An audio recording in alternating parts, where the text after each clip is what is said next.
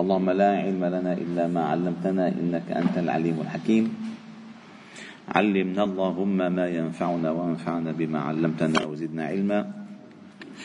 واجعلنا ممن يستمعون القول فيتبعون أحسنه. وأدخلنا برحمتك في عبادك الصالحين. وبعد. فلا نزال معكم أيها الأحباب الكرام في مجالس القرآن ضمن دروس قرآن الفجر. وقد كنا معكم في صبيحة أمس من سورة النساء في آية أو في الآية الثانية من آيات المواريث والتي ذكر الله تعالى فيها نصيب الزوج والزوجة والإخوة لأم. وهذه الآية أيها الأحباب الكرام على صغر حجمها بالنسبة لهذا الموضوع ولكنها ضمت مفاتيح فهم علم المواريث. كالتي سابقتها في قوله تعالى يوصيكم الله في أولادكم للذكر مثل حظ الأنثيين. وقلنا أن في هذه الآية الإخوة لأم يرثون الأنصبة متساويين فيأخذ الذكر مثل حظ الأنثى.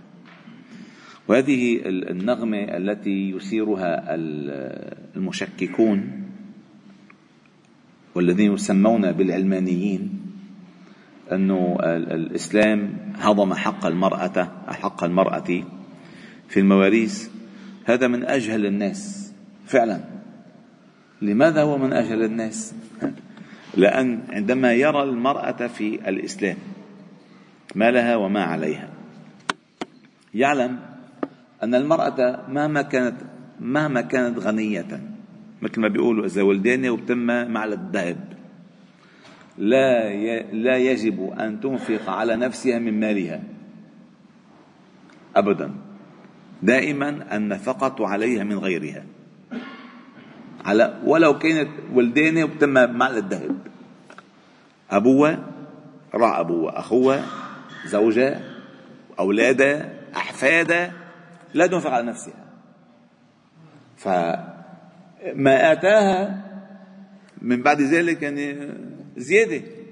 ثم بعد ذلك لها أحيانا لها نصف التركة وأحيانا البنتين يشتركان في الثلثين وهنا تشترك البنت مع أخوها في الإخوة لأم. إذا القضية من قضية عدل؟ ولكن الذي يشكك دائما يحب أن يشكك. فبعدما ذكر الله جل جلاله هذه المسألة فقال من بعد وصية يوصى بها أو دين غير مضار. وعلمنا أن الإجحاف في الوصية والإجحاف في الدين من الأمور التي لا يحبها الله جل جلاله ولا يرضاها. ثم قال تعالى وصية من الله والله عليم حليم. وذكر الله جل جلاله هنا اسمه الحليم لنعرف كيف الله جل جلاله يعاملنا بحلمه. لا بعدله بحلمه لا بعدله. ولو عاملنا الله تعالى بعدله ربما هلكنا جميعا. ولكن الله تعالى رحيم حليم غفور رؤوف يصفح يحب الصفح والغفران والمغفرة. فالله تعالى عليم بأحوالنا حليم بمعاقبتنا لأخطائنا. ثم قال الله تعالى تلك حدود الله. ما هي تلك حدود الله؟ أي ما شرعه الله جل جلاله في أمر اليتامى وفي أمر النساء وفي أمر المواريث. هذه حدود الله أي هذا شرع الله. تلك حدود الله أي ما سبق. تلك مما ذكر انفا هي حدود الله فيما شرعه الله من أحكام فيما يخص باليتامى وفيما يخص النساء وفيما يخص الوارثين من الذكور والإناث والآباء والأمهات والأزواج والزوجات والإخوة والأخوات. هذه حدود الله. قال ومن يطع الله ورسوله يدخله جنات تجري من تحت تحتها الأنهار خالدين فيها وذلك الفوز العظيم. ومن يعص الله ورسوله ويتعدى حدوده يدخله نارا خالدا فيها وله عذاب مهين. إذا الله جل جلاله أعد للمطيعين ثوابا وأعد للمخالفين عقابا.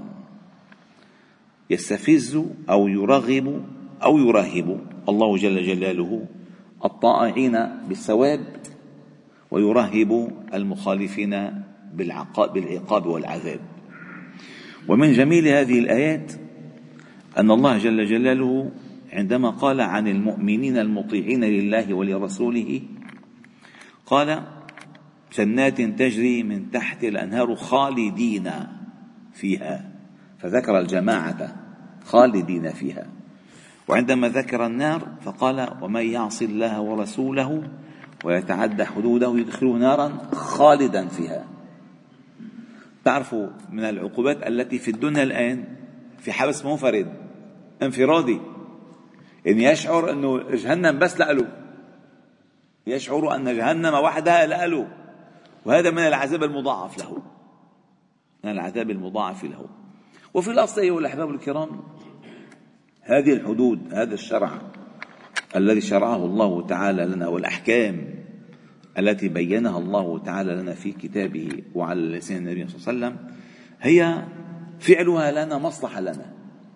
فعلها لنا مصلحة لنا. ومخالفتها تضر بمصالحنا الحالية الآنية والمستقبلية.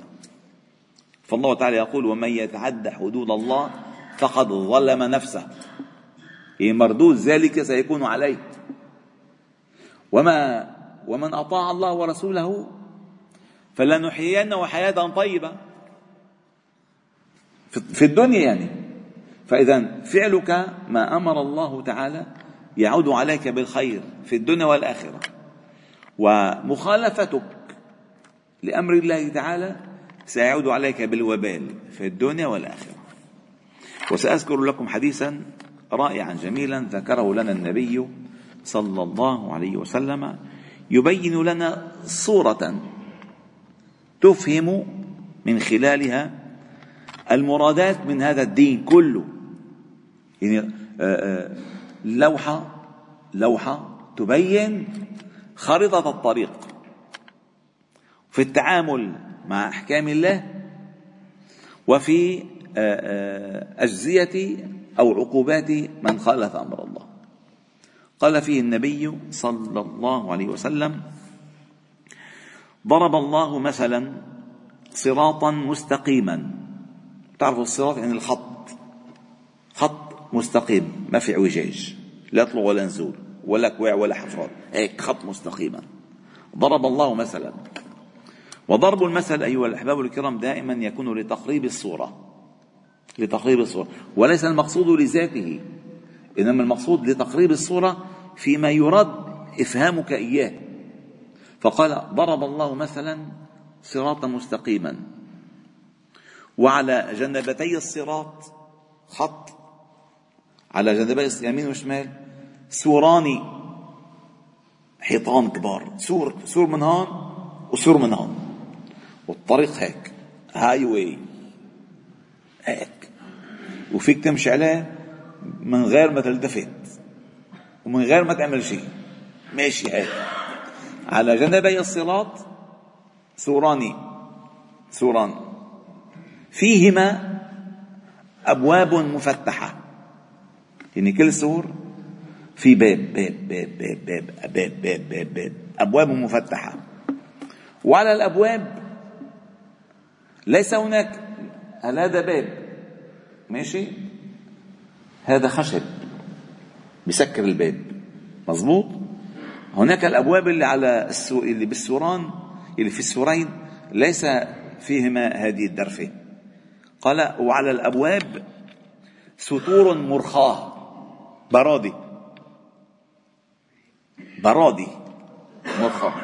والبرادي المرخاة آه، آه، تغري الواحد يفوت. أنا بردي شوف شوف جوا شوفي صار شيء إيه؟ صحيح راحت عليك فهذه الباب ربما بركي مسكر بركي مقفول. لا بردية. وعم بتهز وعم تغريك أنت يلا قرب قرب. فوت. شوف شوف جوا. خطي لك خطوة لجوا. فإذا على السوران في السوران بابين وعلى الأبواب قال ستور ستور أي برادي مرخاة. وعند رأس الصراط إذا أنت ماشي عليه عند رأس الصراط داع يقول أيها الناس استقيموا على الصراط ولا تعوجوا. خليكم مشي دغري. هيك. استقيموا على الصراط ولا تعوجوا. وفوق ذلك فوق الصراط وفوق ذلك داع يدعو. كلما هم عبد أن يفتح شيئا من تلك الأبواب اللي هي الصدور المرخاه كلما هم عبد أن يفتح شيئا من تلك الأبواب قال له هذا الداعي اللي من فوقه ويلك لا تفتحه فإنك إن تفتحه تلجه ويلك لا تفتحه فإنك إن تفتحه تلجه. ثم فسر النبي صلى الله عليه وسلم هذه الأمثلة فقال فأخبر أن الصراط هو الإسلام. اللي ما في اعوجاج فيه فاستقيموا إليه وأن هذا صراطي مستقيما استقيموا ولا تتبعوا السبل. فإذا ولا تفرقوا فيه. هذا الصراط واضح. فإذا الصراط هو الإسلام والإسلام يعني يغنيك عن كل شيء. لماذا التفت ما الذي تريده ما الإسلام فيه غنية عن كل شيء. هو الحق ودين الله الذي شرعه. فقال الصراط هو الإسلام. والأبواب والأبواب المفتحة هي محارم الله. والسوران هما حدود الله. هون هون حدك. اوعى تقرب هون الحد. وهون الحرمات ما تفوت. فلا تقرب ولا تفوت. تلك حدود الله فلا تقربوها فلا تعتدوها. هذه الحرمات فلا تنتهكوها. طيب قال والأبواب المفتحة محارم الله. والستور المرخاة أو السوران هما حدود الله على الروايات. والداعي على رأس الصراط هو القرآن. يعني إذا أردت أن تعرف كيف كيف السبيل مش بتروح على الطريق تفتح Google Map بيقول لك turn left turn right خليك مش دغري ما هيك بيقول لك؟ هذا هو القرآن. القرآن هو اللي على رأس الصراط بيقول لك كيف تمشي هلا خفف سير هلا أو أو السير هلا قدامك في حاجة هلا هذا هو الصراط هذا هو الإسلام هو هذا القرآن. وعند رأس الصراط هو شو؟ القرآن الذي يدعو يا قومنا إننا سمعنا قرآنا عجبا. إنا سمعنا كتابا. أنزل من بعد موسى مصدق يهدي يدعو إلى صراط مستقيم. هذا الطريق هذا الطريق المستقيم. فقال والداعي على رأس الصراط هو القرآن. والداعي من فوقه. يعني في صوتين. صوت هيك والصوت والداعي من فوقه هو وازع الله في قلب كل مؤمن. ان السنسر شغال. السنسر شغال. إذا بترجع أنت اناريه وعندك سنسر شغال بزمر. حط ضغط الحيط وقف هيك. اذا على رأس الصراط يبين لك الطريق ومن فوقك يحذرك. انتبه انتبه. قال وازع الله في قلب كل مؤمن وهو صوت الملك. هذا الملك الذي قال عنه النبي صلى الله عليه وسلم إن للملك لمة وللشيطان لمة. فأما لمة الم... لمة يعني دافع. دافع. فأما لمة الملك فإعاد بالخير. يعني اعملها الشغلة. لا ما تعملها. اعملها. وأما لمة الشيطان فإعاد بالشر. والإنسان في هذه الحياة في صراع ما بين استجابته لهذين الداعيين. إما أن يستجيب للمة الشيطان وإما أن يستجيب للمة الملك فإن استجاب للمة الملك فهو مستقيم على صراط الله المستقيم. جعلنا الله تعالى وإياكم من هؤلاء والحمد لله رب العالمين. سبحانه وبحمدك أشهد أن لا إله إلا أنت. نستغفر ونتوب إليك.